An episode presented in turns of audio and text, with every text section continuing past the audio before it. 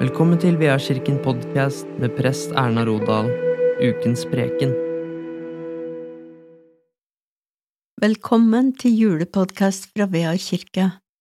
Teksten i dag er den teksten som vi kaller for juleevangeliet, og står i Lukas evangelium kapittel 2 vers 1–20. Det skjedde i de dager at det gikk ut befaling fra keiser Augustus om at hele verden skulle innskrives i manntall denne første innskrivningen ble holdt mens Quirinius var landshøvding i Syria, og alle dro av sted for å la seg innskrive, hver til sin by. Josef dro da fra byen Nasaret i Galilea opp til Judea, til Davids by Betlehem, siden han var av Davids hus og ett, for å la seg innskrive sammen med Maria, som var lovet bort til ham, og som ventet barn og mens de var der, kom tiden da hun skulle føde, og hun fødte sin sønn, den førstefødte, hun svøpte ham og la ham i en krybbe, for det var ikke husrom for dem. Det var noen gjetere der i nærheten som var ute på marken og holdt nattevakt over flokken sin. Med ett sto en Herrens engel foran dem, og Herrens herlighet lyste om dem, og de ble overveldet av redsel. Men engelen sa til dem, frykt ikke, se, jeg forkynner dere en stor glede, en glede for hele folket. I dag er det født dere en frelser i Davids by, han er Messias Herren, og dette skal dere ha til tegn. Dere skal finne et barn som er svøpt og ligger i en krybbe. Med ett var engelen omgitt av en himmelsk hærskare som lovpriste Gud og sang. Ære være Gud i det høyeste, og fred på jorden blant mennesker som Gud har glede i. Slik lyder det hellige evangelium. Det skjedde i de dager, på latin factum est. Ved å konstatere faktum forankra Lukas Jesu fødsel til vår historie. Også innskrivningen i manntallet kobler Jesu fødsel til verdenshistorien.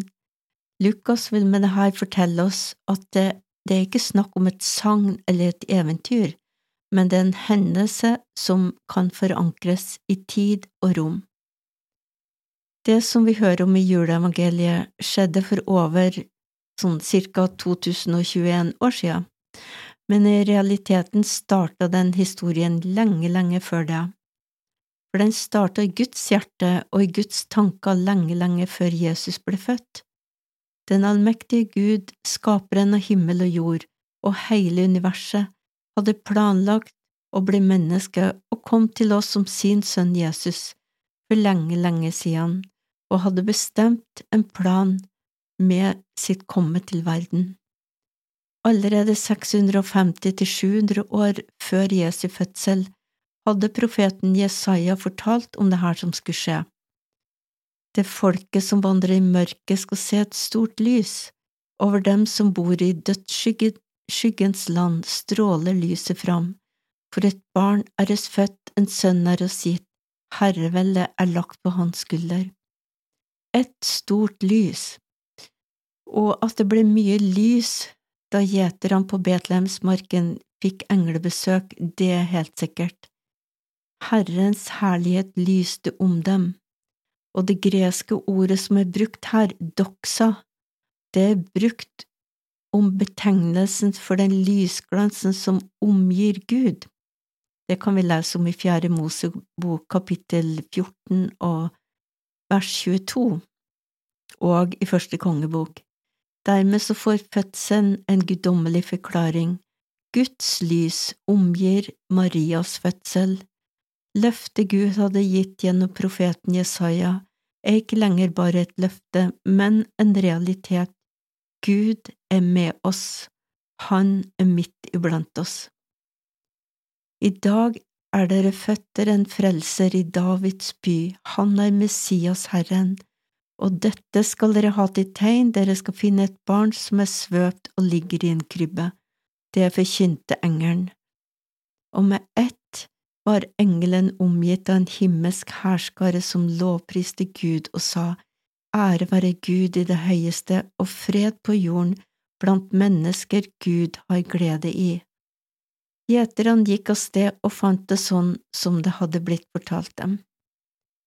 Gud kom ned til oss mennesker som satt i mørket med sitt herlighetslys, både for å omgi oss med sitt lys og for å fylle oss med sitt lys, alle vi som tror på Ham, som har tatt imot Han for at vi skal reflektere Guds lys til alle de som vi har rundt oss og dem vi møter på vår vei. For det finnes et mørke som har gjort kjærligheten kald og gudsnærværet utydelig på jorda. Det finnes et mørke som ikke så lett fordrives av verken sol eller måne. Et mørke som holder liv i hat, krig og ondskap. Til det mørket ble Jesus sendt når Johannes kaller Jesus for det sanne lys og verdens lys, så betyr det at Jesus representerer det lyset som ikke lar seg utrydde, og som varer fra evig tid. Og til evig tid, et lys som forhindrer mørket og som bringer kjærlighet og håp til verden. Og nettopp det lyset har Gud lagt ned i våre hjerter, alle vi som tror på ham, for at vi skal la det lyset skinne i mørket sånn at håp kan tennes, livsmot styrkes og kjærligheten fordriver hatet. Didrich Bonhoffer, en kjent tysk teolog og motstander av Hitler og nazismen under siste verdenskrig, har sagt det sånn, etter at Jesus dro opp til himmelen, eksisterer Kristus som menigheten. Det betyr at alt det Jesus hadde og gjorde, har han gitt videre til oss som menighet. Så min utfordring til oss alle i dag er la lyset Gud har lagt ned i våre hjerter, skinne ekstra klart i jula.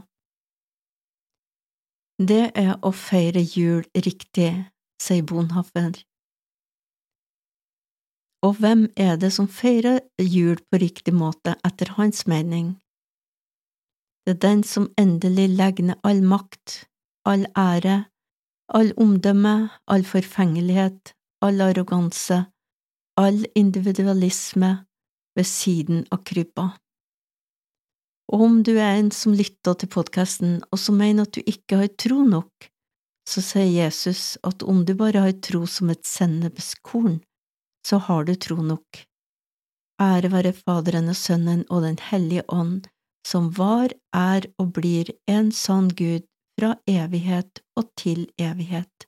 Amen. Ta imot velsignelsen. Herren velsigne deg og bevare deg. Herren la sitt ansikt lyse over deg og være deg nådig.